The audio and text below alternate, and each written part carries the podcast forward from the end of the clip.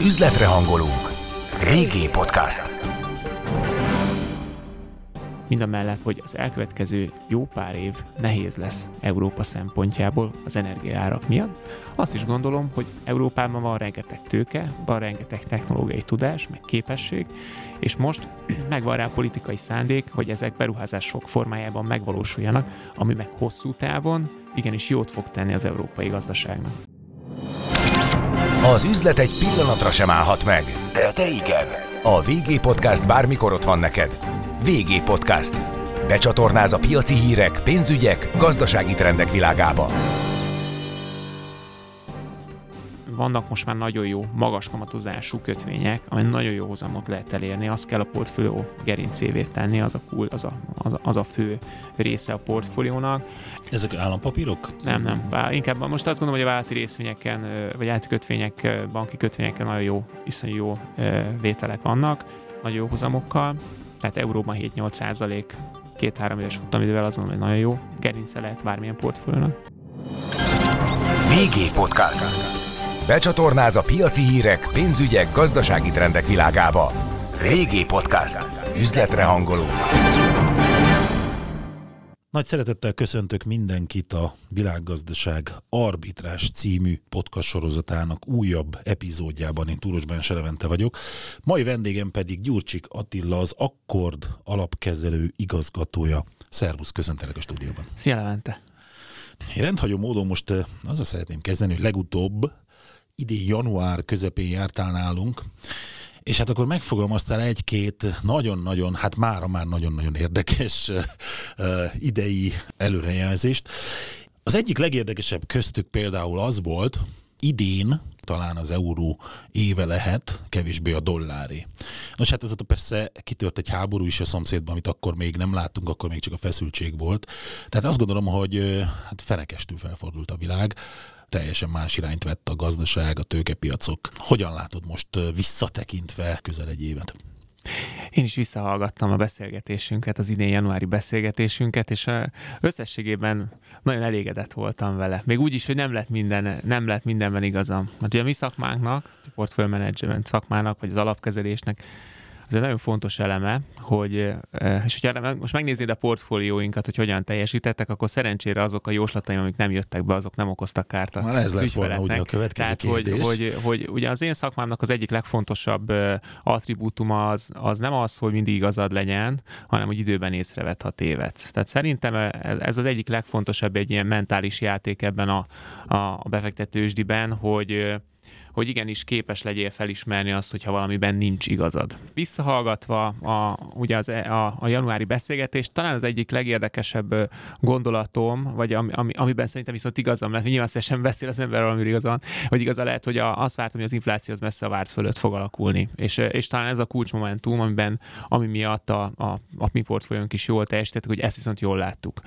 A, az eurót csak, csak nem láttuk jól. Meg, igen? Hogy, hogy, hogy, arról beszélgettünk akkor, úgy is kezdődött talán a beszélgetés, beszélgetés, hogy hát a Fednek most már lassan ugye le kell építeni a mérleget, vagy elkezdi leépíteni a mérleget, ugye ekkor még egy bizonytalanság volt a, a piacon.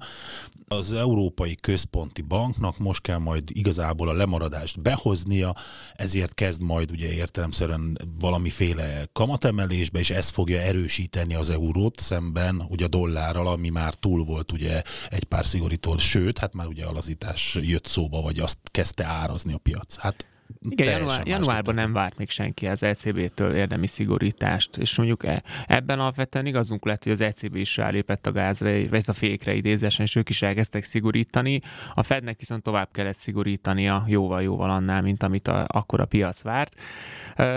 Én azt gondolom, hogy összességében az euró-dollár kereszt szempontjából nem a monetáris politikák voltak itt a meghatározóak. Tehát a, az a gondolatom, vagy az a gondolatunk, hogy az inflációs folyamatok messze-messze nagyobb problémát fognak okozni a, a világgazdaságban, mint ahogy azt akkor legtöbben vártak, ebben igazunk lett. Az euró-dollár keresztben meg azért nem lett igazunk, mert, mert kitört a háború, én azt gondolom. Tehát, hogy, hogy a háborús helyzetben, és főleg úgy, hogy az európai kontinensen van egy háború, amire azért már rég nem volt példa, értelemszerűen dollár irányába menekül a világ. Mindig így volt, és most is így történt, tehát ebben hát nem tévedtünk, de történt egy olyan esemény, és nyilván ezekre az eseményekre kellett lehet alapkezelőként is úgy reagálni, vagy úgy reagálnunk, hogy, hogy az ügyfelek ezt ne érezzék meg, és azt gondolom, hogy ebben értünk el sikereket. De visszatérve a, a, az eredeti gondolatra, tehát hogy, hogy valójában a a, azt kell látni, hogy, hogy és, ez igaz, és arról beszéltünk még egyébként januárban, én arra számítottam, hogy a mi régiónk, és azon belül akár az orosz piac, vagy a magyar piac, vagy a görög, vagy a román, az felül teljesítő lehet. Ez volt még talán a másik nagyon erős gondolatunk, és akkor ebből bejött az, hogy a görög meg a román felülteljesítő volt idén, úgyhogy hozzá kell tenni, hogy idén a tőkepiacok óriási bukóban vannak, tehát egy mind a kötvényeken, mind a hosszú kötvényeken, mind a részvényeken 20-30 százalékos bukót lehetett idén elszenvedni szerte a világban. Na ehhez képest a ö, görög meg a román piac egy igazi felüdülés, tehát mind a kettőnek pozitív hozama van, legalábbis a mi alapjainknak igen. A magyar meg az orosz meg nem. Az orosz az, meg, az, el, az gyakorlatilag a orosz piac megszűnt hát, létezni megszűnt, egy nyugat-európai befektető szemével, ami egyértelműen a háború következménye. Magyarországot pedig ö, értelemszerűen ö, az a mértékű energetikai függés sújtja, ami, amit ugye nem, ami nem most ö, alakult ki egyik napról a másikra, hanem ugye ez már egy évtized, több évtizedes probléma, csak ugye hát ennek a hátrányai a brutálisan megemelkedett energiárakon keresztül most most érződnek igazán, és ez az, ami, ugye, ami tőkepiacunkat nyomasztja. Igen, erről már azért beszélgettünk még januárban is, már akkor látszott, hogy az energia, hát ha nem is azt mondom, hogy válság lesz, de hogy az energia ára már akkor elkezdett nagyon szép látványosan fölfele menni, és már akkor figyelmeztettél arra, hogy ennek ugye olyan hatásai, infláció gerjesztő hatásai lesznek, hiszen beékelődik ugye ez az energia ár szinte mind a gazdaság minden területére. Na, ehhez képest a helyzet sokkal rosszabb lett. Tehát a háború miatt értelmszerűen az energiaárak azok jó, az akkori szintekhez képest, amikor beszéltünk, ugye itt a nyár közepén közel a háromszorosára emelkedtek, azóta konszolidálódtak valamelyes, de még mindig 20-30 százalékkal azok felett a szintek felett vagyunk, ahol januárban azt mondtuk, hogy hú, hát ez már extrém. Tehát, és ennek a, ennek a negatív hatásai érződnek. És nyilván a mi régiónkra, és beleértve ebbe a magyar piacot is, meg a, például a lengyelt, valamennyire a románt is, az, hogy a fizikai közelségben vagyunk egy háborúban lévő ország, az önmagában egy olyan ö, tulajdonságunk, ami miatt a tőke elkerül minket. Tehát ö, bár valamelyest az elmúlt pár hétben ö, szivárgott vissza tőke szerintem ebbe a régióban, mert ö, elsősorban a FED politikája miatt, amiről majd szerintem fogunk, mert valószínűleg a jövőről érdemes többet beszélni a múltról. Tehát, hogy a, a, de alapvetően a, ezt a három-négy országot sújtja az a tény, hogy nagyon közel van, fizikai közelségben van hozzánk ez a háború, és ez a tőke egy részét e, gyakorlatilag elrettenti attól, hogy, hogy a mi régiónkat megtalálja. Na most még mielőtt a jövőre térnénk rá, hadd kérdezem meg, hogy egy alapkezelő ilyen helyzetben, ugye mondjuk ahhoz képest, amit januárban itt felvázoltál, nyilván volt egy stratégiád, egy befektetési stratégiád, de hát ez ugye gyökeresen megváltozik abban a pillanatban, amikor kitör egy háború, bár erre ugye korábban nehéz lett volna fölkészülni, hiszen korábban erre nem igazán volt példa, tapasztalat nem volt erre. De hogy hogyan viselkedik ilyenkor egy portfólió menedzser, mint egy kis befektető adott esetben, hogy elkezd eladni bizonyos eszközöket, gyorsan kimenekíteni a pénzt, átpakolni innen-oda, hogy hogyan lehet ezt elképzelni? Van John Maynard Keynesnek egy nagyon híres mondása, ami nekem az arszpolitikám is egyben úgy szól, hogy uraim, ha változnak a tények, változtatom a véleményem. És szerintem egy portfóliómenedzserként a legnagyobb hibát azt követi el, aki, ha látja, hogy változnak a tények, ragaszkodik a véleményéhez. Tehát ennél nagyobb hibát nem lehet elkövetni. Nyilván február 24-én értelemszerűen egy más világra ébredtünk, és ennek megfelelően kellett a portfóliókat átalakítani.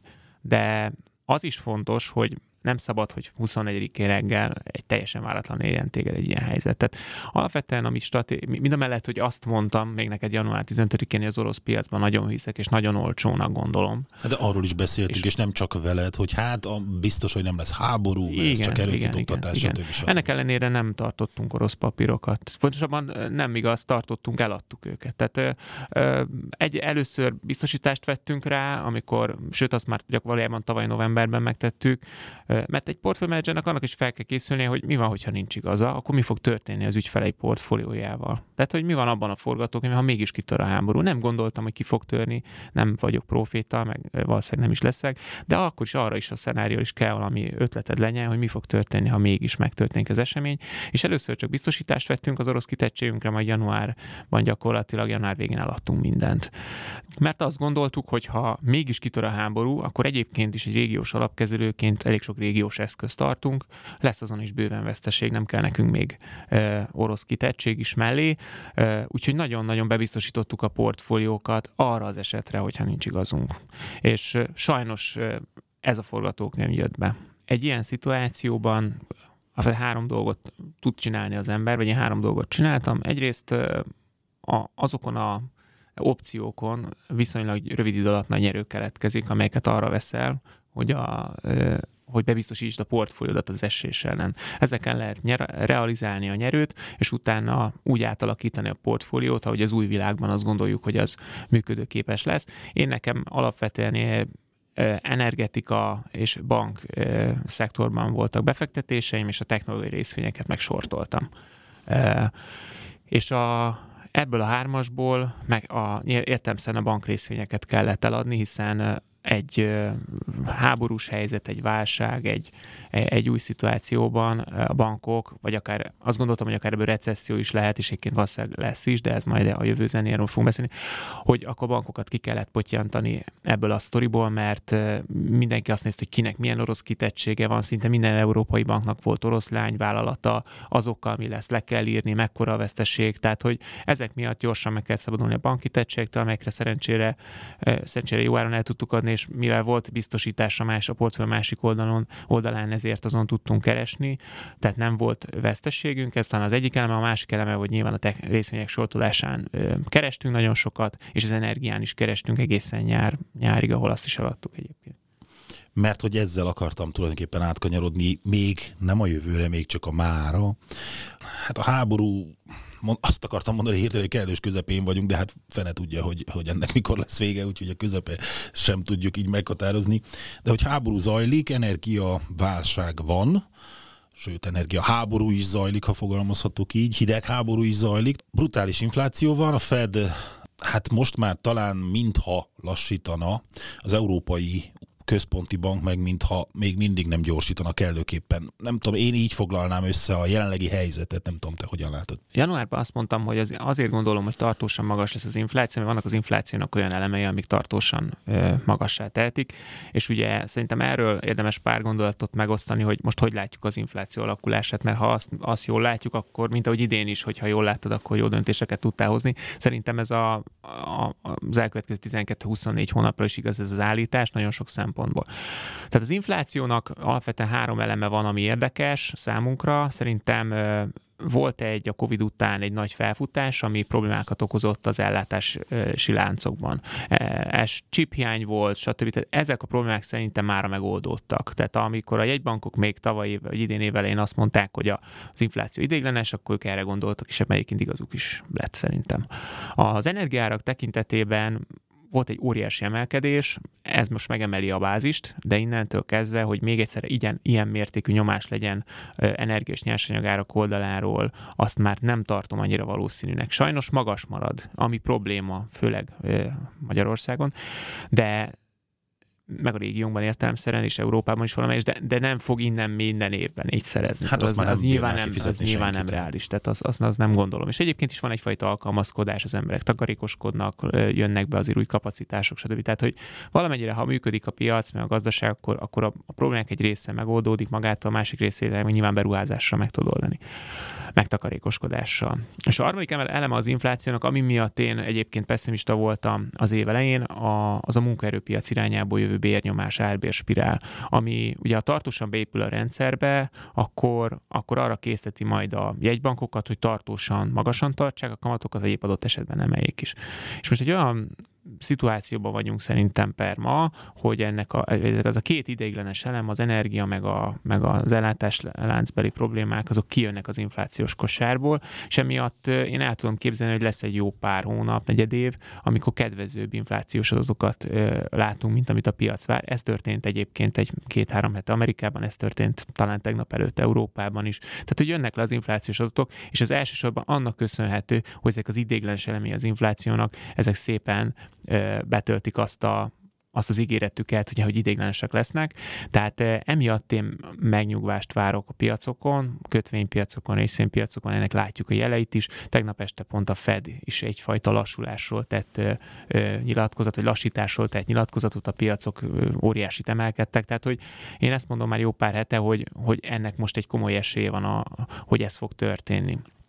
De, ez, de, de ugyanakkor azt mondanám, hogy hogy a másik szemünket meg a munkaerőpiacra kell, hogy vessük, mert, mert ha ott nem sikerül ezt a, ezt a bérnyomást megtörni, és az árbér spirál tartósan benne van a rendszerben, akkor azok a várakozások, hogy akár az ECB, de elsősorban a Fed, ö, majd képes lesz lassítani, vagy egy idő után csökkenteni, azok szerintem túlzóak. Tehát igazából a kulcs most is, mint akár ö, januárban, elsősorban a munkaerőpiaci folyamatokban ö, látható, és itt ugye azt kell látni, meg mérlegelni, hogy Amerikában egy nyitott álláshelyre ö, pontosabban egy munkanélkülire két nyitott álláshely van. Ez elképesztően feszes munkaerőpiaci helyzet. De ezt akartam mondani, hogy ez hogyan lehet igazából, vagy, vagy miért, vagy van-e egyáltalán ezzel kapcsolatban optimista várakozásod, hiszen ha most megnézzük a munkaerőpiacot szinte bárhol, munkaerő hiányról beszélünk, hogy az infláció az növekszik, tehát értemszerűen a bér igények is folyamatosan növekednek úgy, még egyszer, hogy nincs elég dolgozó. Tehát ez jövőre nézve ez, szerintem... Ez nagyon jó a kérdés, mert ez a dilemma. Tehát ugye a, amit látni kell, hogy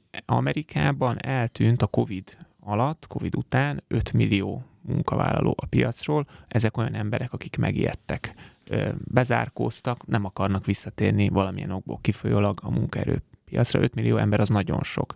És ezért feszül a munkaerőpiac Amerikában, ezért van nagyon-nagyon magas bérdinamika, ami, ami ugye felveti azt a kérdést, amit ugye te is mondta, hogy mi lesz így ebb, ezzel a helyzettel, hogy lehet ezt megtörni. Hát a rossz hír ebben az, hogy ha, ha a mostani várakozások szerint beárazott kamatpálya nem lesz képes ezt az árbérspirált megtörni, akkor a Fednek egy ponton túl, amikor jövő év második felében, vagy hát nem tudjuk pontosan, én azt mondom, hogy mindig adatfüggő módon gondolkodok, nyilván nézzük az adatokat, és annak megfelelően alakítjuk a portfóliókat. Tehát, hogy lesz egy olyan pont, hogy adott esetben nem, hogy az csökkentésen, hanem adott esetben a további emelésen kell gondolkodnia. Még egyszer mondom, akkor, hogyha nem sikerül az árbérspirált megtörni.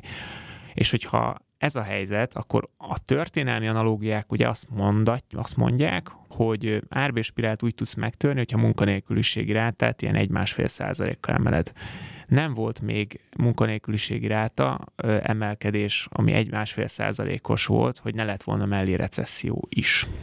És ide, ide, itt jutunk abba a helyzetbe, hogy azért a piacok ma még azért recessziót nem áraznak. A eredményvárakozásokban ez nem látszik tehát mind a mellett, hogy azt mondom, hogy lehet egy rövid távú megnyugvás, nagyon-nagyon kell figyelnünk azt, hogy mi történik a munkaerőpiacon, különösen mi történik az amerikai munkaerőpiacon. Hát ez a Fednek az egyik legfontosabb. És, és hogyha ott nem látunk a bérdinamika tekintetében enyhülést, javulást, akkor sajnos fel kell készülni további monetáris szigorra, ami meg a piacoknak nem fog jót tenni. De én azt gondolom, hogy ebben, a, és akkor ezzel ugye már áttértünk a jövőre, de hogy ezzel, amit mondasz, ezzel gyakorlatilag két forgatókönyv van, ugye, ha jól értem, de mind a kettő, hogy mondjam, az egyik rosszabb, mint a másik. Hiszen, hogyha a Fed tovább szigorít, az értelemszerűen a hitelezés szigorítja, most csak próbálom leegyszerűsíteni, értelemszerűen a beruházásokból visszafognak majd a bővítésből, leépítésbe futát, hiszen ha az a cél, hogy a munka nélküliséget növeljük, az értelemszerűen gazdasági aktivitás csökkenést jelent, ami hát értelemszerűen a recesszió előszobája. De ha fordítva nézzük a dolgot, akkor is ugyan, ugyanide tartunk. Tehát elkerülhetetlen a recesszió, hogyan látod? Mind, minden egyes ilyen válság előtt van egy ilyen forgatókönyv, hogy nem recesszió lesz, csak ilyen, úgy, úgy mondja az amerikai zsargon, hogy soft landing, hogy ilyen lassú leparkolása a gazdaságnak, de nem lesz repülőgép szerencsétlenség. Tehát ez, ez eddig még sose történt meg. Tehát mi sajnos, sajnos mindig meg. Eddig még mindig fájt. Eddig magyarul. még mindig fájt. Tehát, hogy valami optimista dolgot is mondjak, tehát hogy alapvetően a, nem tudhat, tehát nem tudhatjuk azt, hogy hol van, és valójában a FED sem tudja, hogy hol van az a kamatszint, ahol az aktivitás elkezd érdemben csökkenni, mert ennek nagyon, ennek nagyon sok csatornán keresztül kell hatnia, ellenben lassan hat. Tehát egyik pillanatban a piac azon aggódik, hogy a FED túl szigorít, hogy már most túl szigorított, és hogy már pont az Elon Musk mondta tegnap, hogy azonnal kamatot kell vágni, mert óriás recesszió lesz Amerikában. Tehát, hogy, hogy nem, tényleg nem tudja való, szerintem valójában senki se. Mondok egy nagyon egyszerű példát. Azzal, hogy a Fed ilyen keményen szigorított idén, ugye kedvenc témám ez a kriptopiac, hogy eltűnt a kriptopiacról 2000 milliárd dollárnyi ö, megtakarítás, mert eléget eltűnt. 2000 milliárd ö, dollárnyi veszteséget szenvedtek el a, az állampolgárok, ezeknek egy jelentős része ugye az Egyesült Államokban, ennek nyilvánvalóan van visszahatása a fogyasztásra. Ezt szokták mérni, vannak rá számok, hogy hány százalékkal csökkenti a fogyasztást az, hogyha a vagyonodban ilyen mértékű összeomlás van. De összeomlottak a részvények, összeomlottak a kötvények, tehát egy nagyon komoly vagyonhatáson keresztüli fogyasztáscsökkentés várható. De tíz éve nulla a kamat, nem tudjuk, hogy, tehát lehet modelleket használni, de tíz éven keresztül rászoktattad az embereket a nulla kamatra, fogalmunk sincs arról, szerintem senki nem tudja, hogy pontosan ez hány csatornán keresztül, és hogyan fog hatni a gazdaságra, azon belül a fogyasztásra, és akkor beszéltünk az inflációra, tehát hogy, hogy ez egy nagy kísérlet, mert teljesen, egy teljesen megváltozott gazdaságban, hiszen valójában ilyen árvérspirál 60-as években volt utoljára az Egyesült Államokban, tehát elő lehet venni a, az akkori rugalmassági modelleket, meg lehet ö, jó dolgokat csinálni, de szerintem ez, ez most egy nagy kísérlet arra, hogy, hogy vajon ez a 4-5 százalékos kamat, ez megfogja az inflációt és az árbérspirált, vagy nem, nem tudjuk. De, az, de én azt gondolom, hogy a Fednek nagyon következetesnek kell lenni és maradnia, mert 40 évnyi árstabilitást nem érdemes feladni szerintem nagyjából semmiért, és szerintem a döntéshozók tudják, mert az árstabilitás, ami 1980 óta tart a világban, az egy óriási ö, eredmény. Ezen a világ is jobban járt azzal, hogy árstabilitás volt a világban, mindenki jobban járt vele, tehát nem érdemes feladni. Szerintem ebben a monetáris politika mai döntéshozói, döntéshozói szerte a világban egyetértenek, beleértve akár a Magyar Egybankot is, tehát hogy ez, szerintem ez egy konszenzus. Hogy még optimista dolgokat is mondjak. Mi sokat beszélünk a monetáris politikáról, de beszélünk picit a fiskálisról, mert szerintem az is az a másik fele. Ami, ami egy keményebb dió. Egy keményebb dió. Nagyon érdekes a mostani szituáció. Eddig a válságok, amik voltak az elmúlt 30-40 évben, arról, mindig arról szóltak, hogy egy-egy régióban volt egy válság, és a másik régió meg kihúzta a világgazdaságot a bajból. Tehát ennek a legnyilvánvalóbb példája azt mondtán a 2008-2009-es válság, ahol is Amerikában volt egy nagyon súlyos jelzálog hitelválság, ami Európát is érintette, és erre jött egy nagyon durva kínai stimulus, óriási ingatlanpiaci felpörgéssel, ami végülis Kína volt az, aki kihúzta a világot ebből a, a recesszióból az ő óriási növekedésével. 90-es években Amerika játszotta ezt, amikor a japán ingatlan piac omlott össze. Tehát, hogy mindig volt egy-egy régió, egy-egy nagy régió, ahol volt puskapor, ha úgy tetszik, hogy kirángassa a másik kettőt a, a bajból. És furcsán hangzik talán most sok szempontból, de és ugye egy kicsit visszautalok a januári beszélgetésünkre, azt mondtam, hogy Európának van esélye arra, hogy jól teljesítsen, hogy Európa minden nehézség ellenére, és nyilván most az háború, azt, azt nem tudom neked megmondani, hogy mi lesz ezzel a háborúval, tehát hogy reméljük, hogy előbb-utóbb béke lesz, minden háború véget ér egyszer. Szóval, hogy Európában az európai gazdaságnak, meg az európai alulteljesítésnek a legnagyobb problémája az mindig az volt, hogy egy előregedő társadalomban, alapvetően egy kereslethiányos gazdaságban működünk, egy picit ilyen eljapánosodott gazdaság ez az európai, és e, ez az energiaválság, ennek az az egy nagy pozitív hozadéka van, hogy ebből a álmos inaktivitásból, ha úgy tetszik, ez felrázza Európát. Tehát itt most be kell, beruházni kell, beruházni kell az energetikai infrastruktúrába, be kell ruházni energiatermelésbe, építeni kell LNG terminálokat, fejleszteni kell az elektromos hálózatot, valójában óriási pénzeket kell ölni a teljesen leépített európai hadiparba. Ezek mind olyan dolgok, ami a történelmi álmos könyvek szerint, hogyha egy nagy régió elkezd brutálisan beruházni, akkor abból növekedés lesz előbb-utóbb.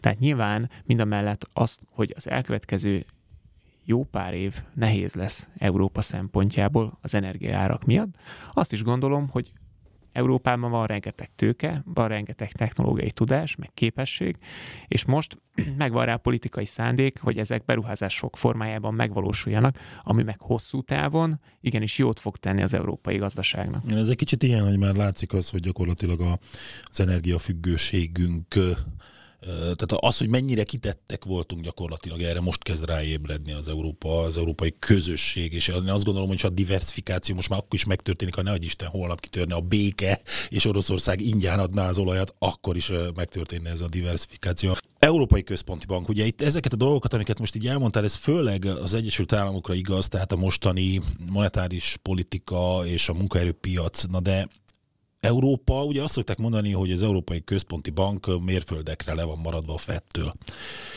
Én most úgy látom, hogy nem feltétlenül igaz ez, muszáj követnünk a Fedet, vagy járhatunk mi más utat is. Most az Európai Központi Bankra gondolok nyilván. Hát azt gondolom, hogy a, nem lesz teljes lekövetés. Tehát az Európát, ez az energiaválság, ez brutális. Tehát, hogy, hogy az a probléma, azért nem tud az ECB olyan mértékben kamatot emelni, mint a Fed, mert maga az energiaáraknak a megemelkedése az egy óriási adó, amit kivetni egy hatalmas adót a gazdaságra, ami rettetesen visszahúzza. Tehát önmagában az energiáraknak a, az emelése már egy elképesztő szigor valójában. Tehát, tehát a szigornak a felét azt megcsinálja az energiaáraknak a brutális megemelkedése, ezért már monetáris oldalon szerintem ugyanolyan mértékű szigorra már csak ezért sincs szükség, és azt is fontos hangsúlyozni, hogy a mi régiónktól eltekintve azért az európai munkaerőpiac közel sem annyira feszes, mint az, Euró- mint az amerikai.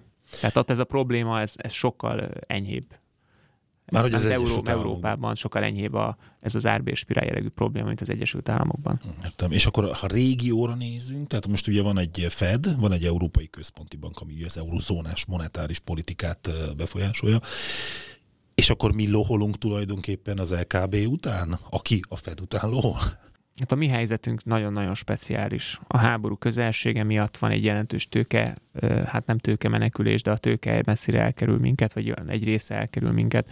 Ez önmagában egy probléma, emiatt a régiós jegybankoknak jóval korábban is jóval nagyobbat kellett emelni annál, mint amit a, az Európai Központi Bank tett, és ezen belül is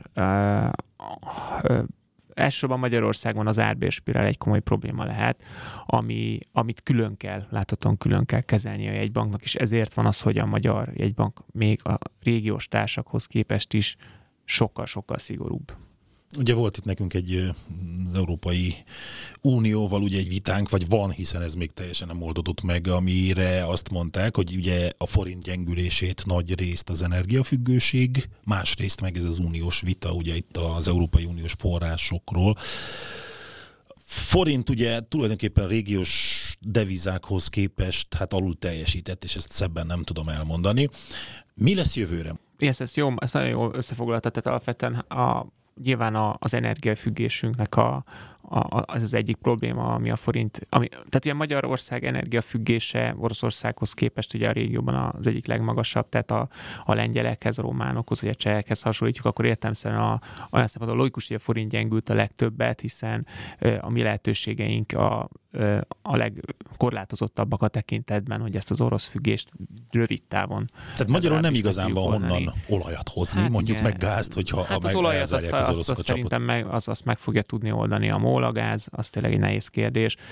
De lényeg a lényeg, hogy tehát ez az egyik ok, ebben hát ez, ez, ez, erre nehéz mit mondani, mert nem tudjuk, hogy mi fog történni a, a háború tekintetében, de, de hosszú távon azért vannak biztató jelek, hogy van számos olyan dolog, ami tudja segíteni azt, hogy a európai energiárak azok csökkenjenek, de szerintem ez nem jövőre fog megtörténni, hanem inkább mondjuk két-három éves távon. Ez például egy a forintot hosszú távon támogató tényező lehet az, azt gondolom, hogy a, mostani szigor, amit a, Magyar Jegybank jelleg fenntart, az, a, az lehetőséget biztosít arra, hogy e, e, ezt az árbérspirált, ezt érdemben e, sikerüljön megállítani.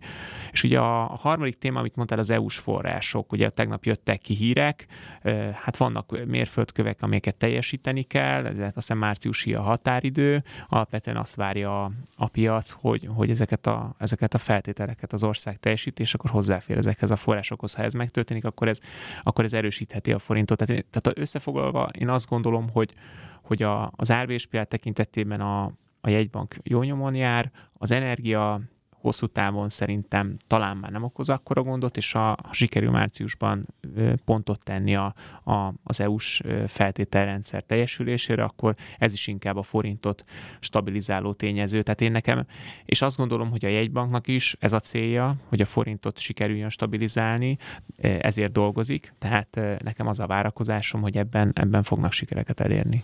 Kicsit meglep az optimizmusod az energia, az energiával kapcsolatban. Ugye sokan mondogatták azt, hogy persze beindult most ez a folyamat, most már mindenhova próbálunk kiépíteni, most európai szemmel gondolkodom, kiépíteni alternatív energiaforrásokat, de kérdés az, hogy ez sikerül-e rövid távon meg, megoldani. Tehát kérdés az, hogy mi lesz jövő télen, jövő ilyenkor, hiszen a most jelenlegi telet úgy gondolom, hogy átvészeli Európa, Magyarország is természetesen, hiszen a tárolók azért tele vannak, most már még folyik a gáz is, meg az olaj is, halkadozva is, de jön. Na de mi lesz jövőre, hiszen most lépnek majd a különböző embargók életbe, csövön már nem jöhet olaj, hozzánk igen, de kivételek vagyunk. De a lényeg az, hogy mi lesz jövőre, honnan, honnan sikerül feltölteni jövő télre is a tározgat, és ha igen, miből?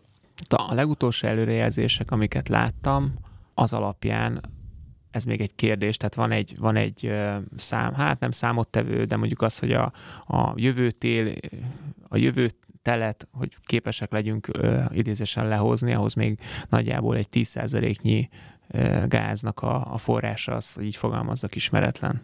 A 10% egyébként nem annyira sok, tehát azt akár fogyasztáscsökkentéssel is el lehet érni, de azért egy jelentős ilyen 30-40 milliárd köbméter, ami, amire még nem teljesen van meg, hogy hogy lesz biztosítva Európában. Nagyon sok LNG terminált húznak fel a németek, talán két lebegőt, és utána egy, egy, egy, tehát egy ilyen úszó terminálokra gondolok tehát lesz kapacitás bővítés jelentős, folyamatosan szerződek le. A Németország talán tegnap vagy tegnap előtt jelentette, hogy Katarral aláírt egy hosszú 15 éves szerződést LNG-re, de ez is azt hiszem 2025-től fog működni.